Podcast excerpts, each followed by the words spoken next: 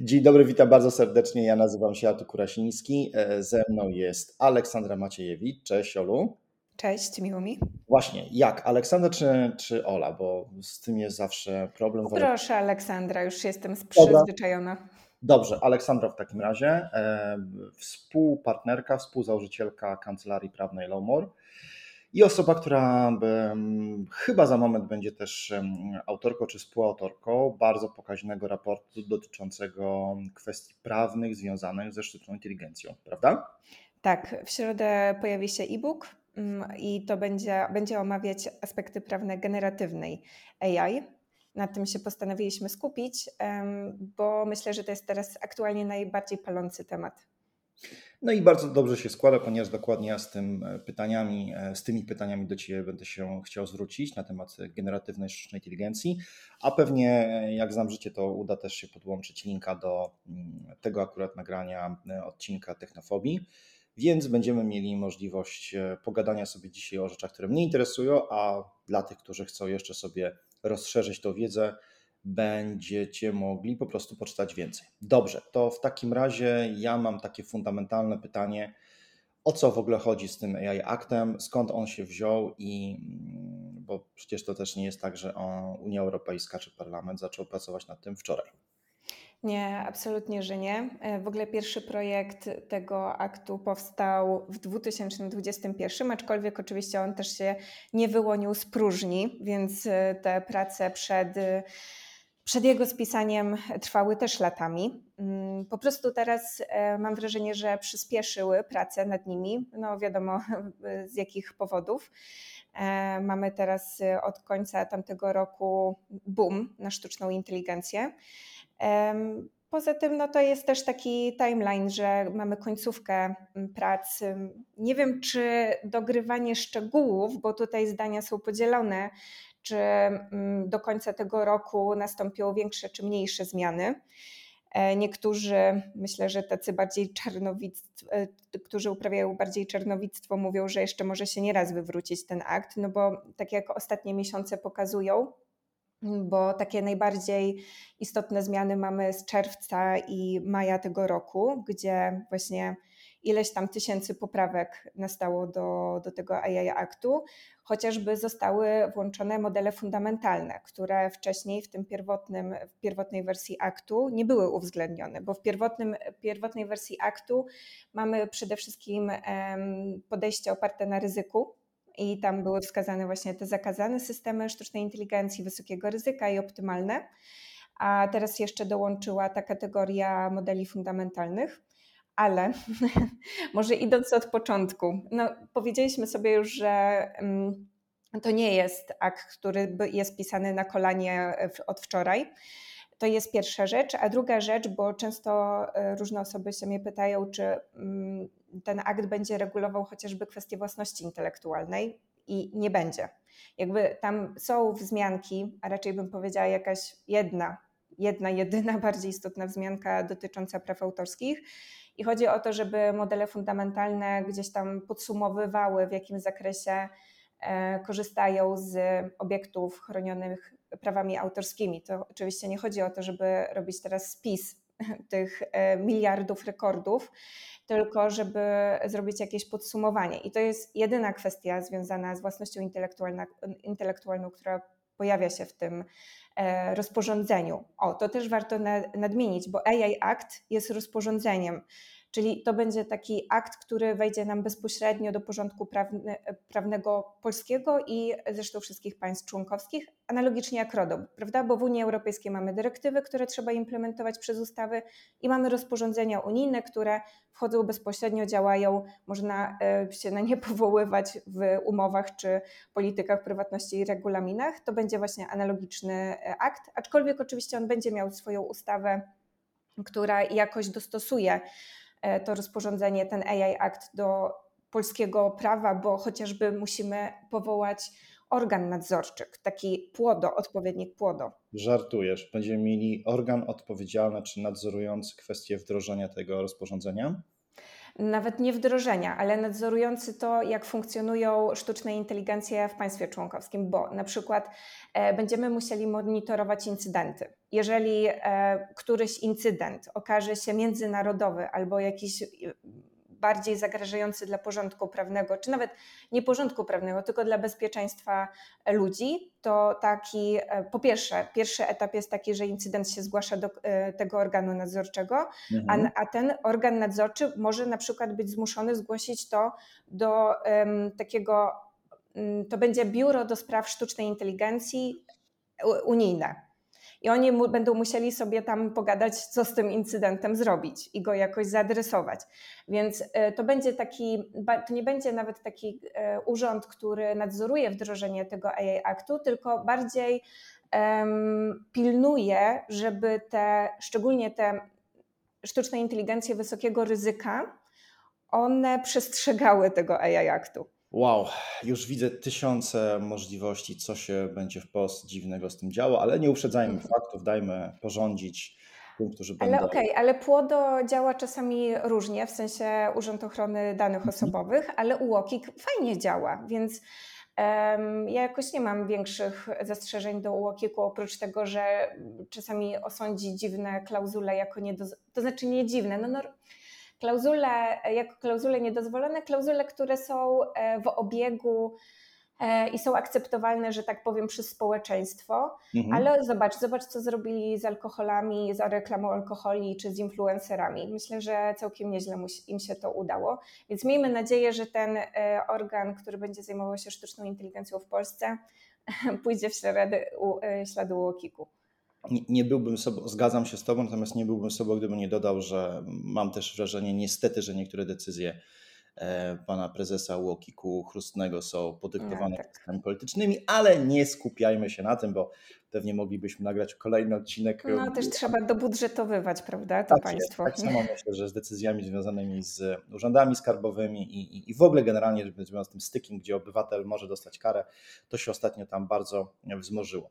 Dobrze, to teraz tak, pytanie takie za, powiedziałbym, w mojej kategorii milion punktów, bo no, jeżeli mówimy o AI akcie, to zapewne mam takie wrażenie i chciałbym usłyszeć to z Twoich ust, że tam jest też definicja AI podana, prawda? Tak, ona się zmienia. A, to jaka jest obecnie obowiązująca?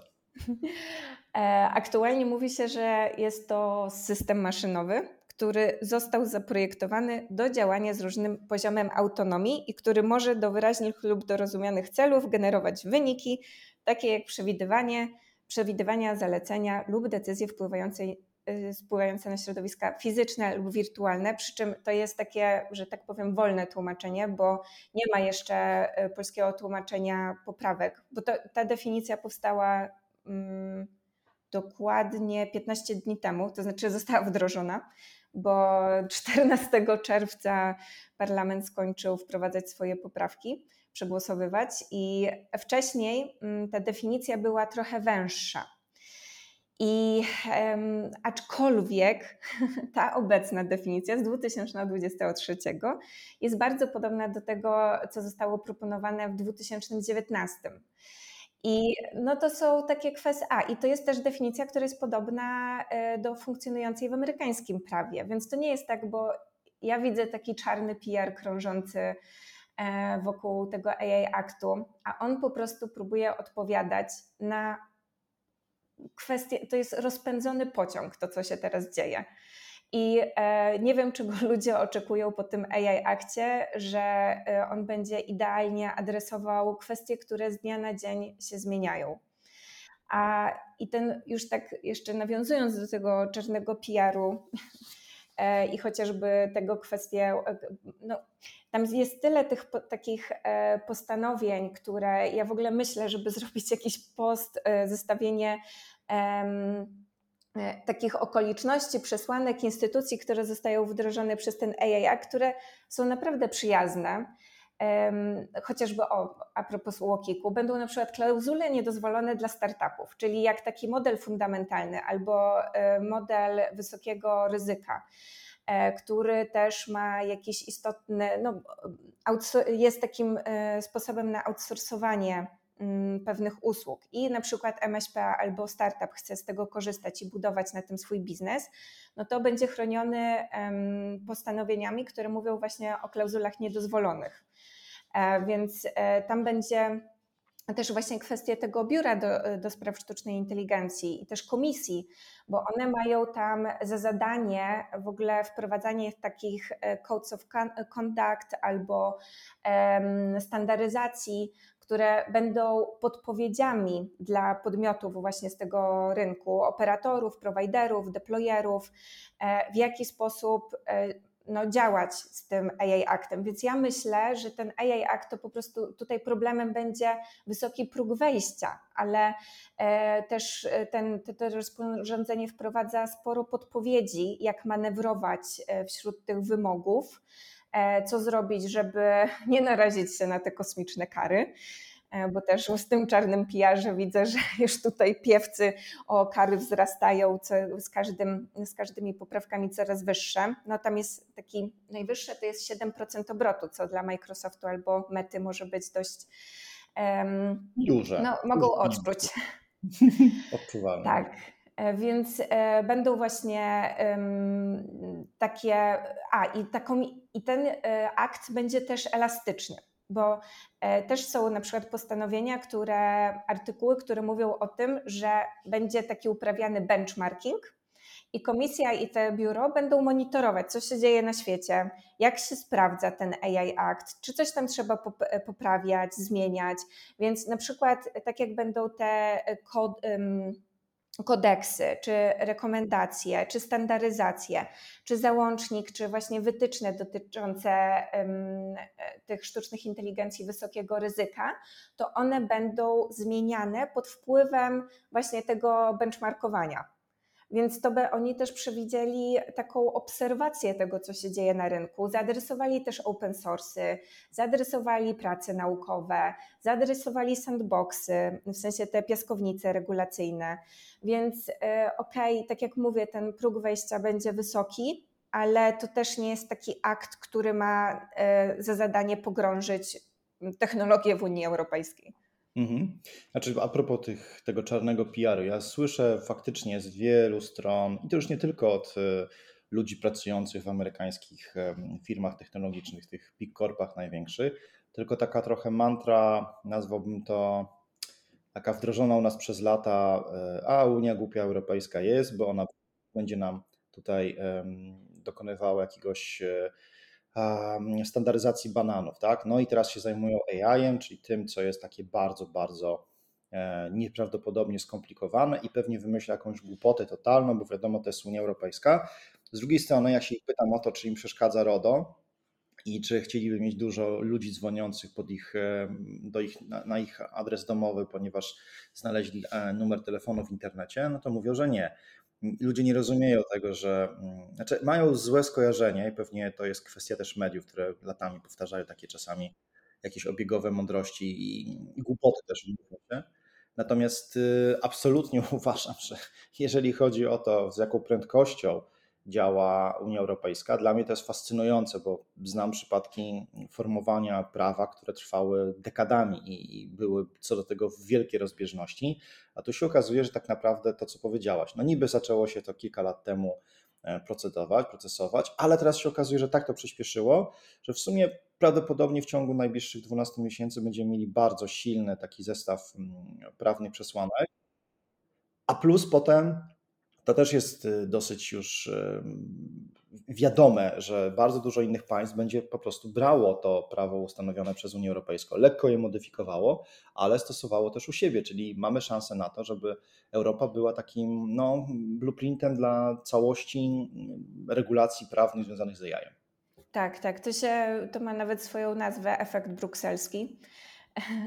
The Brussels Effect, e, czyli właśnie ten GDPR też to RODO mm, tak to pokazało, czyli e, państwa, e, no bo nie, nie, nikt mi nie wmówi, że Unia Europejska, ok, może nie jesteśmy, Europa nie jest największym kontynentem, ale jeżeli ktoś wprowadza jakiś produkt globalny, to on chce się dostosowywać do Unii Europejskiej. Tak jest właśnie z RODO.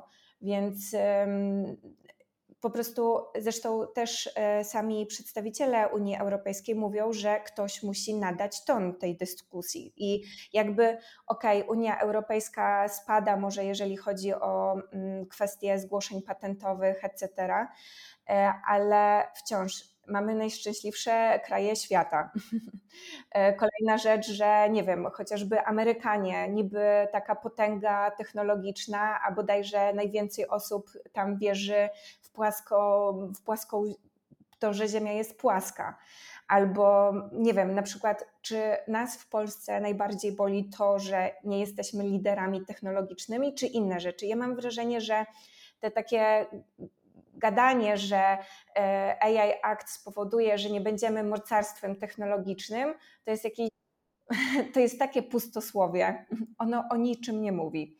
Tak. No, znaczy dużo mówi o tym, jakie mamy problemy mentalne i z tym, co się dzieje też za granicą, tego, że mm, na pewno, tak jak powiedziała, 7% mm, całości przychodów firmy, to dla mojej działalności gospodarczej będzie, będzie malutko, ale dla takiego koncernu technologicznego, który pamiętajmy, że Unia Europejska akurat pod tym kątem naprawdę wali i sadzi tak olbrzymie kary miliardowe dla Google'a, Apple'a, Facebooka, więc y, myślę, że one mogą się poważnie bać, że faktycznie po wejściu tej, tej ustawy, tego rozporządzenia, zaczną dostawać nagle takie potężne razy. Przy okazji wiadomo też, że to czym straszą nas na zasadzie, o to my się zawiniemy i wyjdziemy z, z Europy. No to powodzenia, bo w większości wypadków to jest drugi albo trzeci rynek dla takiego koncernu, plus jeden z najbardziej mm, dochodowych, dlatego że tu żyje ogromna ilość osób posiadających dużą siłę nabywczą, starzejące się społeczeństwo, potrzebując takich usług, więc no słuchajcie, jak to mówił prezydent Duda, nie strasz, nie strasz, bo tutaj proszę sobie dopowiedzieć. Wróćmy, wróćmy do, do naszego e, core, czyli pytań związanych z tym nowym rozporządzeniem. Z tego, co ja się wczytałem w to, to rozporządzenie, w ten draft, to ustawodawca podzielił w tym akcie mm, AI, modele, algorytmy na cztery typy. Oparte na ryzyku, jaka dana technologia mm, może mieć mm, wpływ na podstawowe prawa i wartości. Tak to jest opisane. To jest pierwsze niedopuszczalne ryzyko, drugie to jest wysokie ryzyko, trzecie to jest ograniczone ryzyko i takie ostatnia kategoria to jest minimalne ryzyko. Kto będzie e, jakby mówił, wyznaczał tą granicę? Mhm. Te, jeszcze tylko y, powiem, że te minimalne to jest takie umowne. Ono się nie pojawia w tym AI akcie, ale to jest jakaś marginalna kwestia.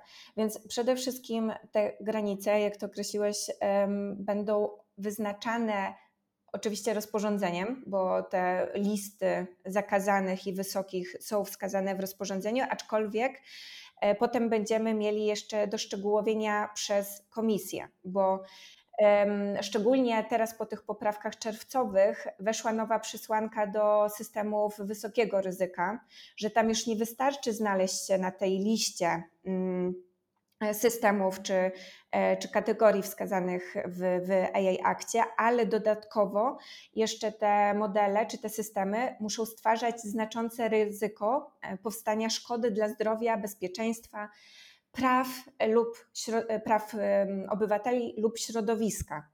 Czyli oprócz no, jest to logiczne, bo oprócz tego, że działasz na jakiejś tam infrastrukturze krytycznej, bo e, między innymi w tych systemach wysokiego ryzyka jest wskazana działalność na e, infrastrukturze krytycznej, czyli takie zaopatrzenie w wodę, gaz, kolej, e, etc no to wiadomo, jakby tutaj system systemowy, systemowi nierówny, bo jeżeli masz tylko analitykę jakiejś tam częstotliwości, która jakoś nie wpływa potem na decyzyjność czy wdrażanie e, procesów związanych z tą infrastrukturą, no to szkoda, żebyś był traktowany jako ten system, dopiero wysokiego ryzyka. Dopiero kiedy te ryzyko, które mm, Twój system wprowadza, jest znaczące dla jednych z tych mm, E, e, przesłanek, o których wspominałam, to wtedy będziesz podlegał pod e, całe te procedury wyznaczone AI aktem. Ale dobra, bo ja już zaczęłam mówić o wysokim ryzyku, właśnie odnośnie tego, że, że to nie jest takie no trudno też, żeby akty były zero-jedynkowe, tak? One będą doprecyzowane, czy to przez orzecznictwo, czy komisję, czy, ten, czy te biuro, e, czy przez też w jakiś sposób jednostki e, notyfikowane, bo za te procedury zgodności będą jeszcze odpowiednie biura zewnętrznych audytorów, że tak, żeby tak uproszczę, odpowiedzialne. E, ale tutaj też jest ciekawa ta bitwa o zakazane systemy, bo ona też się zmienia i podejrzewam, że plan jest taki, teraz jeszcze w lipcu będą kolejne prace, kolejne poprawki, kolejne tysiące poprawek, bo tak e, z posiedzenia na posiedzenie pojawiają się naprawdę tysiące poprawek.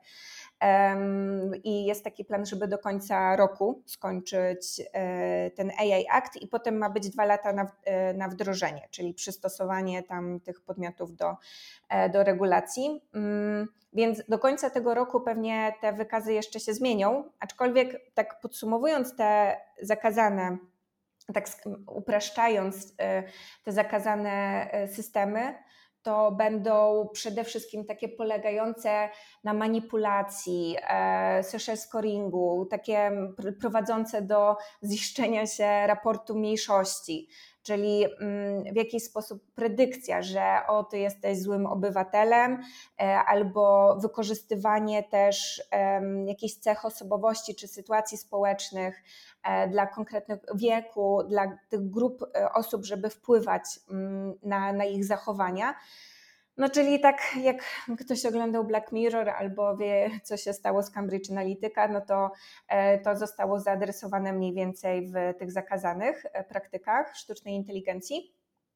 A co do tych, to się bardziej nazywa nawet nie średniego, tylko już chyba zaczęło się nawet pojawiać takie określenie optymalne.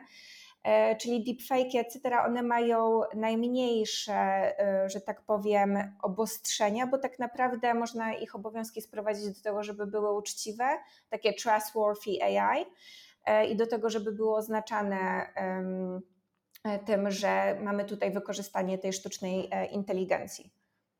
Aczkolwiek na przykład chodzą pogłoski, że chociażby chatboty i tym podobne podmioty też mają być e, objęte sztuczną inteligencją. To znaczy już teraz są w takim zakresie, jak właśnie wprowadzają te ryzyka. E, no i oczywiście ta kolejna doszła, może nie kategoria oparta na ryzyku, ale doszły te modele fundamentalne i one tutaj też będą miały teraz sporo obowiązków, chociażby będą musiały się notyfikować w tych bazach systemów. Tak? To jest to jest właśnie fajny też aspekt AI Aktu. Czy ja cię zagaduję? Chcesz coś za, nie, nie, nie, mów, mów dalej. Właśnie to jest, to jest też fajny aspekt tego AI Aktu, że będą te bazy systemów wysokiego ryzyka i modeli podstawowych mm, czy tych fundamentalnych. I one mają, te bazy mają przedstawiać e, informacje takie podstawowe związane, jakie to są ryzyka, jakie tam są e, opisy źródeł e, danych, w jaki sposób one spełniają wytyczne jakieś jakościowe, w jaki sposób właśnie ta jakość dane treningowe, walidacyjne, etc. zostały sprawdzane. Więc będziemy, jeżeli ktoś nie będzie w tej bazie albo będzie coś próbował, mm, no brzydko mówić, ściemniać a propos tych wytycznych informacyjnych, no to też narażę się na karę.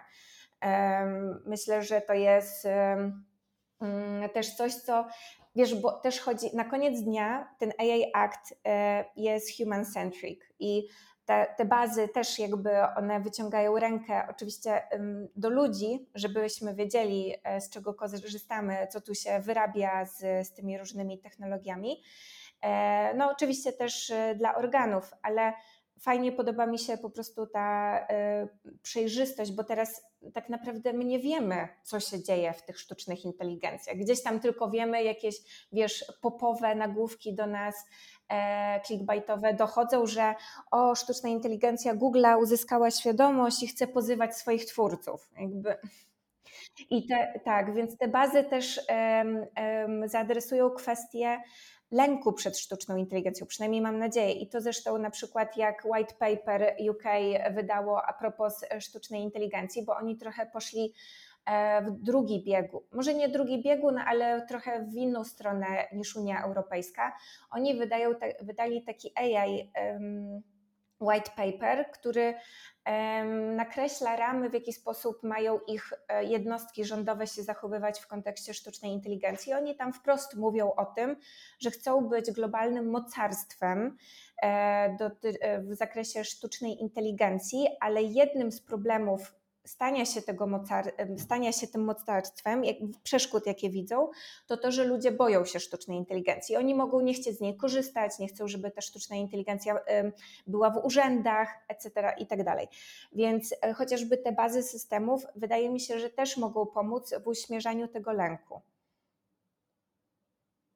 No, myślę, że tutaj jest wiele takich rzeczy, które, które trzeba będzie przewalczyć i mentalnie, ale też e, prawnie Wkleiłem ci, e, nie wiem czy widzisz e, tutaj na czacie naszym zencastrowym, jest taki dokument, który moim zdaniem jest e, niesamowity pod kątem tego, co, jakie z niego płyną wnioski.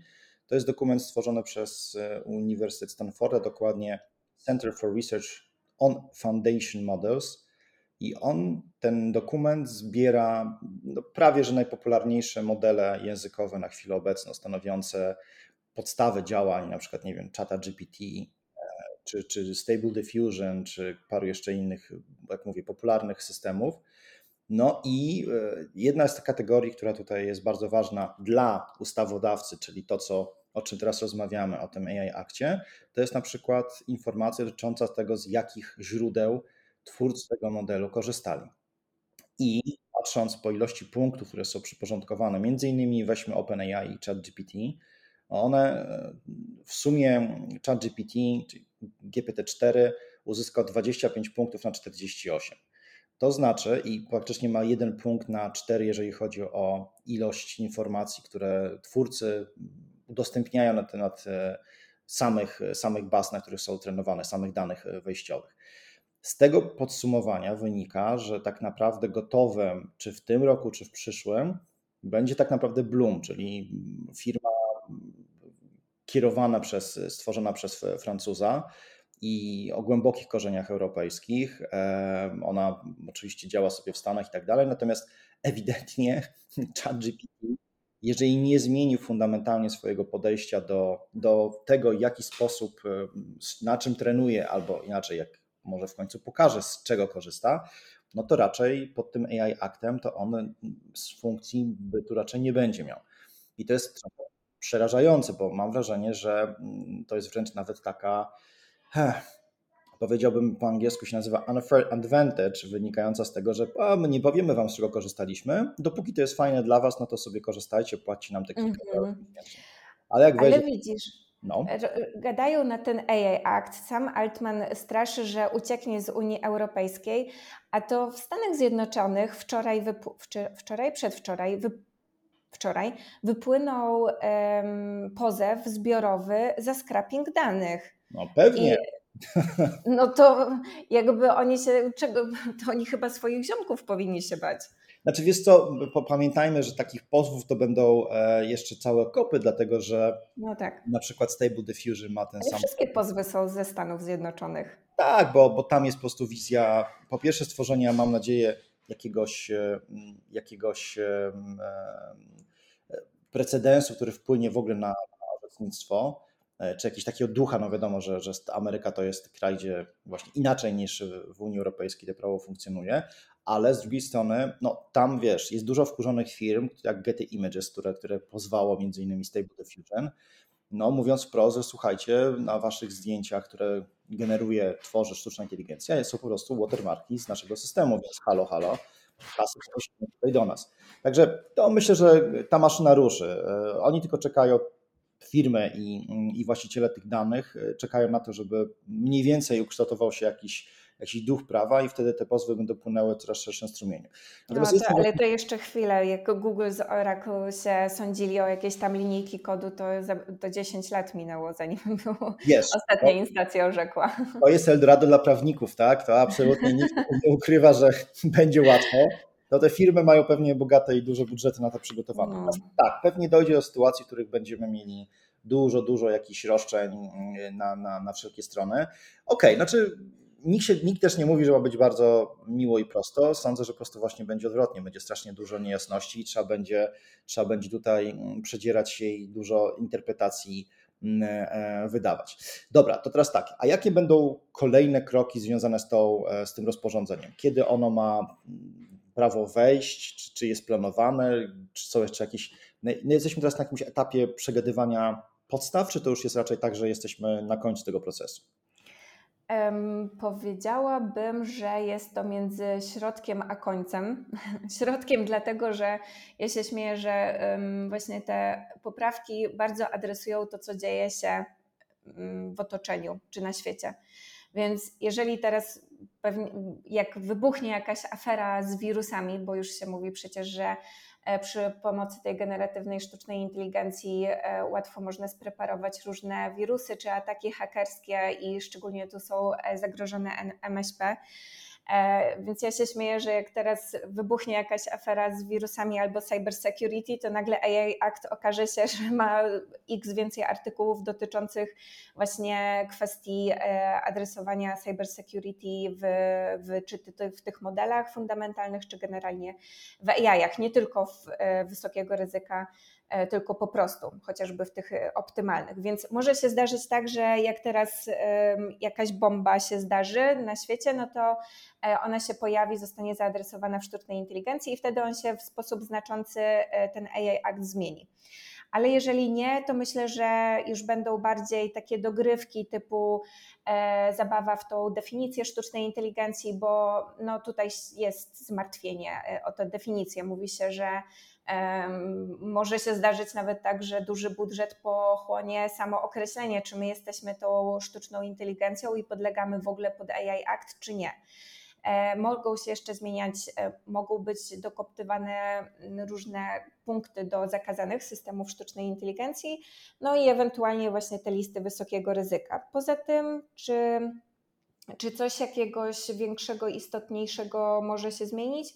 Chyba nie. Mówi się jeszcze, żeby tam większa e, była decyzyjność użytkowników takich końcowych, nawet nie deployerów, tylko e, zwykłych zjadaczy chleba, żeby e, mieli większy wpływ na tym, jak, jak te decyzje na ich wpływają, podejmowane w ramach sztucznej inteligencji i tym podobne. Ale no, jeżeli mają się wyrobić do końca tego roku, to też nie mogą wywracać do góry nogami te, tego AI aktu. Mhm.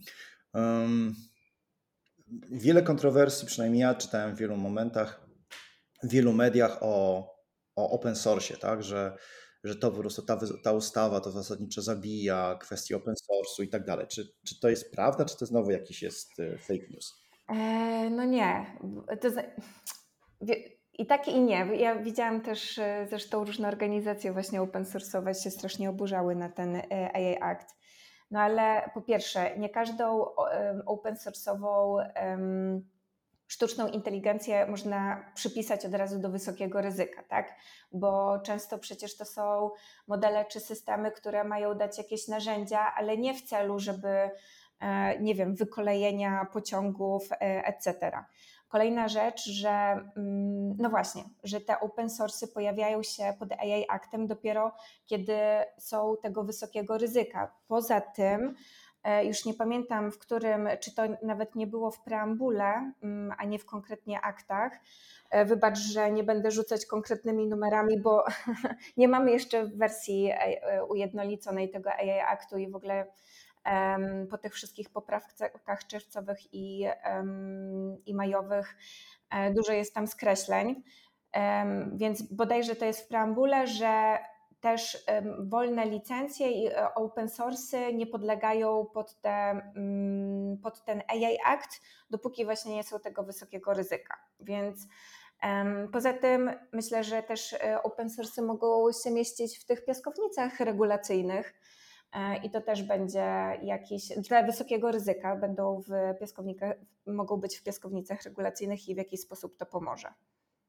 A i też są e, łatwiejsze, są jakieś luźniejsze postanowienia na rzecz, jeżeli to jest też w celach badawczych, e, naukowych, więc jeżeli jesteś naukowcem, a nie komercjalizujesz i wprowadzasz na rynek, a też mam wrażenie, że wiele tych open source'ów powstaje z zajawki, żeby pokazać, że ja to umiem zrobić, no to też oczywiście nie, nie ma tego, nie, nie jest włączone pod AI Act.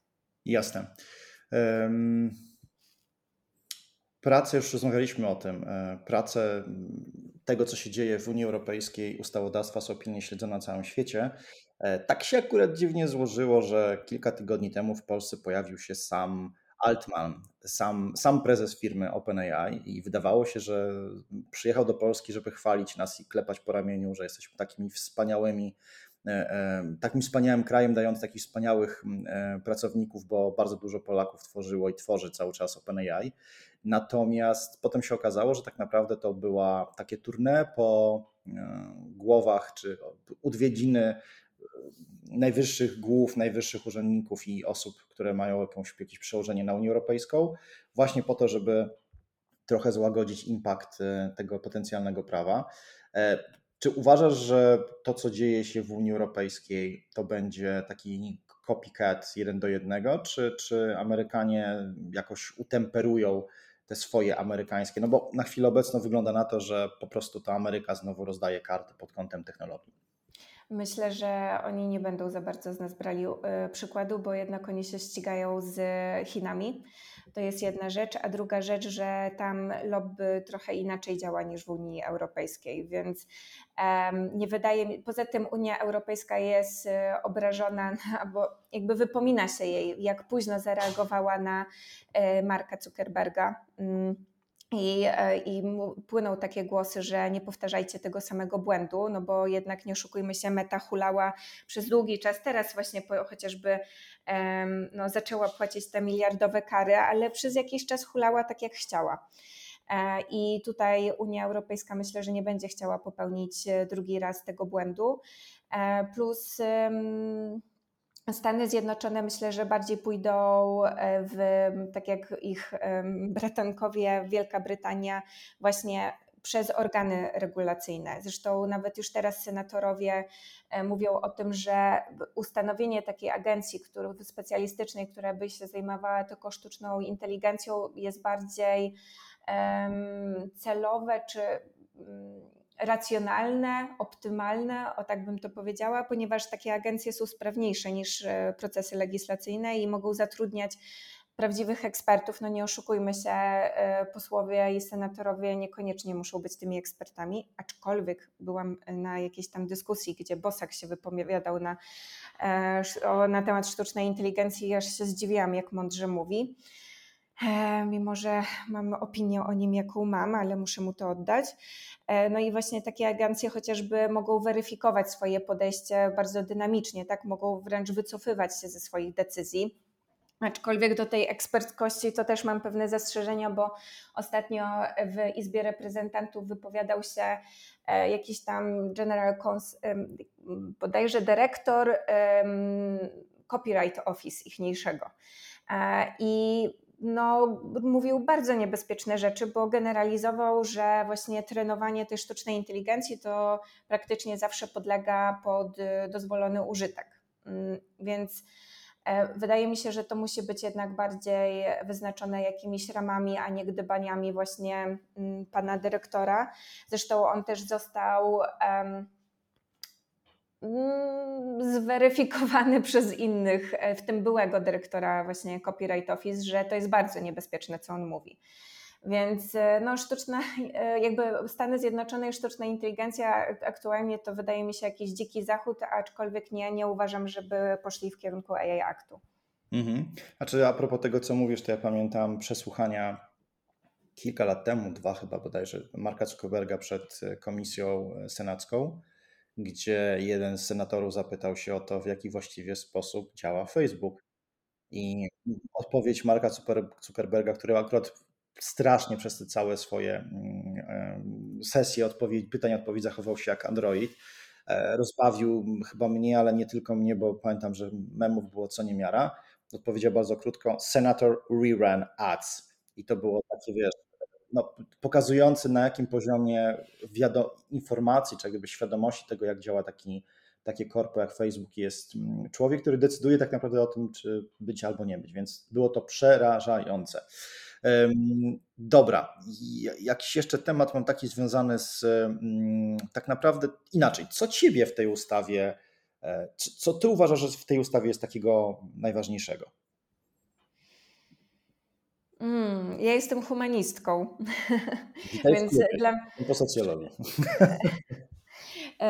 Skończyłam prawo, kończę psychologię. Już jestem na etapie pisania magisterki, ale e, jakby ja już jestem e, z, tej, mm, z tego obozu, że rozwój ma swoje, powinien mieć swoje ograniczenia. Jakby, że już powinniśmy dalej wyjść z tej narracji, że rozwój ponad wszystko i jednak trochę bardziej iść w kierunku tego, że hej, jesteśmy ludźmi i to jakby ten rozwój ma służyć nam, a nie działać przeciwko nam. I e, bardzo mi się podoba, jak e, już nie pamiętam, czyje to są słowa, ale że e, ktoś powiedział, że właśnie, żeby być tym globalnym supermocarstwem, to oznacza być liderem sztucznej inteligencji. I tak jak wśród tych startupów tyle się mówi o tym, co znaczy być liderem, co nie, jak nie być bosem, jak nie być jakimś poganiaczem niewolników, czy jeszcze jakimś innym dziwnym dziwolągiem, tylko właśnie być liderem, no to właśnie dawać przykład. I ten AI Act no, jakby pokazuje, że jedną z takich optymalizacji finansowych w firmach to nie może być nieadresowanie ryzyka, że o ja sobie z, y, zoptymalizuję budżet, ole, olewając kwestie praw człowieka, środowiska, a bo to też jest ciekawy wątek, że AI e Act dość duży nacisk kładzie na kwestie ekologii, e, tylko właśnie, że to ma wszystko służyć człowiekowi i to mi się super podoba. Taki ogólny wydźwięk właśnie płynący z, z nadzór ludzki, e, te human-centric podejście, to żeby to wszystko było trustworthy. Przepraszam, że ja używam tyle angielskich słów, ale no, taki jest jeszcze, to jest właśnie kwestia tego, że ten AI Act jest pisany w języku angielskim. I, e, I te właśnie chociażby to, że jeszcze musi być ten impact assessment pod kątem fundamentalnych praw e, Unii Europejskiej, czyli każda sztuczna inteligencja musi, tak jak jest DPIA w RODO, to będzie analogiczny impact assessment e, pod kątem praw fundamentalnych, więc to jest dla mnie najważniejsze. Ciekawe, na ciekawe takie porównanie trafiłem właśnie przy okazji omawiania, czytania omówień związanych z regulacjami prawnymi, że Stany Zjednoczone to jest rynek centric, tak, tak powiedzmy, złamał Ponglisza jeszcze bardziej. Mm, Chiny to będzie mm, państwo centric, ale w takim nacisku oczywiście na partię, na, na to, żeby to właściwie było pod jedną łapą i to wiadomo czyją. A Partia centric. Tak, a Unia Europejska jest właśnie human centric, czy właściwie to ciężko przetłumaczyć mm, prawa obywatelskie, prawa człowieka, wszystko, co jest związane z naszym właśnie takimi podstawowymi prawami, to, on, to jest kierowanie się Unią Europejską, czy jak gdyby taki pomysł na kierowanie się Unii Europejskiej, co jest przez wiele, wiele osób, szczególnie z takiego kręgu biznesowego, anglojęzycznego krytykowane, że po prostu Unia Europejska to jakaś biurokracja, oni właściwie wszystko robią latami, nic nie wiadomo. To jest takie głupie, bo przecież w Stanach to możesz pójść i kupić dowolną bazę danych i nikt z tym nie ma żadnego problemu, a wy w Unii macie ten RODO, ten GDPR i w ogóle ojej, ojej. Ale z drugiej strony, jak patrzymy sobie na to, kto złapał byka za rogi, kto nałożył kaganiec y, Big Techo, no to jest Europa. Stany Zjednoczone po, po tym, co zadziało się, kiedy Joe Biden objął, um, objął rząd, no to widać, że tam bardzo dużo też poszło w tą stronę i mam nadzieję, że to się będzie działo tak dalej, no bo no jak powiedziałaś, Przerobiliśmy case Facebooka, przerobiliśmy case różnych wpadek związanych z platformami społecznościowymi. Cały czas nie dajemy sobie rady z TikTokiem i wydaje mi się, nie stać nas na, kolejną, na kolejne karmienie właśnie dużego takiego behemota, który będzie potem wywracał nam porządek społeczny, porządek prawny, porządek związany z polityką i demokracją. A AI wygląda na to, że to jest, jeżeli my się boimy mm, Cambridge Analytiki i powtórki z tego, to AI jest na 50 poziomów wyżej, moim zdaniem. W sensie... Tak, tak, tym bardziej, że mówi się, że sztuczna inteligencja, właśnie ten, ten rozwój sztucznej inteligencji to jest prosta droga do technokracji i my mamy szansę być takim przyczółkiem, który trochę ta fala się załamie na niej. No i, i, może w końcu dużo osób dostrzeże plusy tego, że mm, tworzenie takiego prawa nie może odbywać się na kolanie, jak to w większości wypadków ma miejsce w Polsce, że dopracowanie tego, konsensus, dialog, żeby wszyscy się mogli wypowiedzieć, żeby potem nikt nie mówił, a, a ja tutaj nie chciałem tych, tego zagadnienia, żeby było włączane do tego, do tego rozporządzenia. To oczywiście tak się będzie działo. Pamiętajmy, że takie państwa jak Polska pewnie będą potem mówiły, że to absolutnie my nie wiedzieliśmy, nie, absolutnie nikt, nikt z nas przecież nie uczestniczył przy tym e, i będziemy, będziemy próbowali ten stołeczek wywrócić. Jaka jest w ogóle szansa na to, żeby to weszło w ciągu na przykład roku czasu, żeby ten AI Act został oficjalnie wodowany i zaczął obowiązywać? Nie, nie, tak jak mówię, do końca roku um, będą pewnie jeszcze trwały poprawki, no może krócej. E, ale nawet jeżeli one zostaną, nawet gdyby zostały w ciągu miesiąca, dwóch e, wprowadzone, to i tak potem jest dwa lata od wejścia e, w życie. Wtedy nastąpi rozpoczęcie stosowania tego AI aktu. No, musimy dać po prostu tym ludziom um, dać czas zaadresować te wszystkie wymogi, plus um, mają powstać standaryzacje. Jakby już nie pamiętam, ile komisja ma tam miesięcy na w, przedstawienie takich standaryzacji. Przez to mówię wytyczne, które pomogą to, te procedury zgodności spełnić przez szczególnie sztuczne inteligencje wysokiego ryzyka. Więc e, tam potem już wejdą takie kwestie mocno praktyczne. Co zrobić, żeby ten AI Act to nie była jakaś szklana kula, kula gdzie za mgłą są jakieś wytyczne, tylko żeby to rzeczywiście e, działało. Ja a propos jeszcze tej biurokracji e, i standaryzacji, e, etc., no to ja jako rzeczniczka patentowa mam do czynienia z urzędami unijnymi. Ja bym chciała na przykład, żeby nasze urzędy działały tak jak EUIPO, czyli Urząd od e, Znaków Towarowych i Wzorów Przemysłowych, czy też EPO, bo oni ich guidelines dotyczące tego, jakie właśnie wytyczne mają spełniać poszczególne obiekty, no to są bardzo jasne i klar, może dla laika może nie aż tak bardzo jasne i bardzo klarowne, ale one naprawdę są dużą pomocą w ocenie tych wszystkich e, aktów. Mhm. Okej, okay. E, no to, to wiemy już chyba mniej więcej wszystko. W takim turbo szybkim skrócie przeszliśmy przez AI Act, e, coś co prawdopodobnie będzie jednym z najważniejszych wydarzeń w zakresie prawa nie tylko europejskiego, bo właśnie o tym też rozmawialiśmy i próbowaliśmy wyjaśnić, dlaczego to będzie fundamentalne właściwie dla większości krajów, nawet dla Chin, bo pewnie Chiny też się będą musiały od tego jakoś odbić. Będziemy mniej więcej wiedzieli, kiedy, kiedy to prawo zacznie obowiązywać. Czy ty uważasz, że Polska powinna, ma jakiś, powinna mieć jakiś większy wpływ z jakiegoś punktu widzenia, czy, czy powinniśmy, nie wiem, jakoś lobbować z jakimiś teraz konkretnymi rozwiązaniami, czy, czy trzymacie tego, co jest obecnie procedowane w, w Brukseli? Mm, nie zepsujmy tego, to po pierwsze. E, nie, po prostu boję się, że ktoś będzie próbował pod kątem e, przyszłych aktualnych wyborów wykazać się że jak to oni wpływają właśnie na AI Act i e, narobią tylko biedy. To znaczy, jesteśmy też, obawiam się, za małą, nie obawiam się, ale jesteśmy jednak za małą siłą, żeby oczywiście coś przepchnąć bardzo niekorzystnego e, w tym AI Akcie, ale że narobimy jakichś problemów, e, no to no tego się trochę obawiam. No dobrze, to w takim razie tym optymistycznym akcentem chciałbym, zakończyć, bo to jest dobre, e, dobre podsumowanie. E, to jeszcze raz. E, jesteśmy obecnie, czy ty jesteś ze swoim zespołem na, prawie na ukończeniu prac związanych z takim raportem obszernym, który ukaże się Dzisiaj jest 29, czyli pewnie w przyszłym tygodniu, jakoś w środę. Dobrze, ja ten raport będę u siebie udostępniał, w związku z tym, jak powiedziałem, też go podepnę do, jako link do, do naszej dzisiejszej rozmowy. No właśnie, Aleksandra Maciejewicz, wspólniczka, współzałożycielka Kancelarii Prawnej Lomor była moim i waszym gościem. Bardzo Ci, Aleksandro, dziękuję za, za podzielenie się informacjami.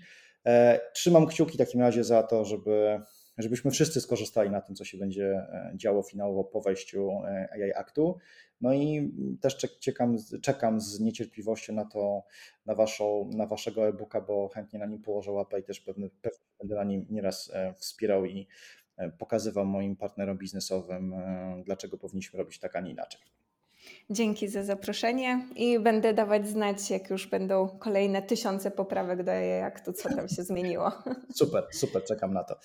Szanowni i szanowne, e, to była Technofobia, czyli taki podcast, w którym mówię o tym, jak technologia wpływa na nas, nasze życie. Moim dzisiejszym gościem była Aleksandra Maciejewicz, e, a ja Was zapraszam do posłuchania wszystkich innych odcinków tego podcastu, bo jest ich trochę, a trochę.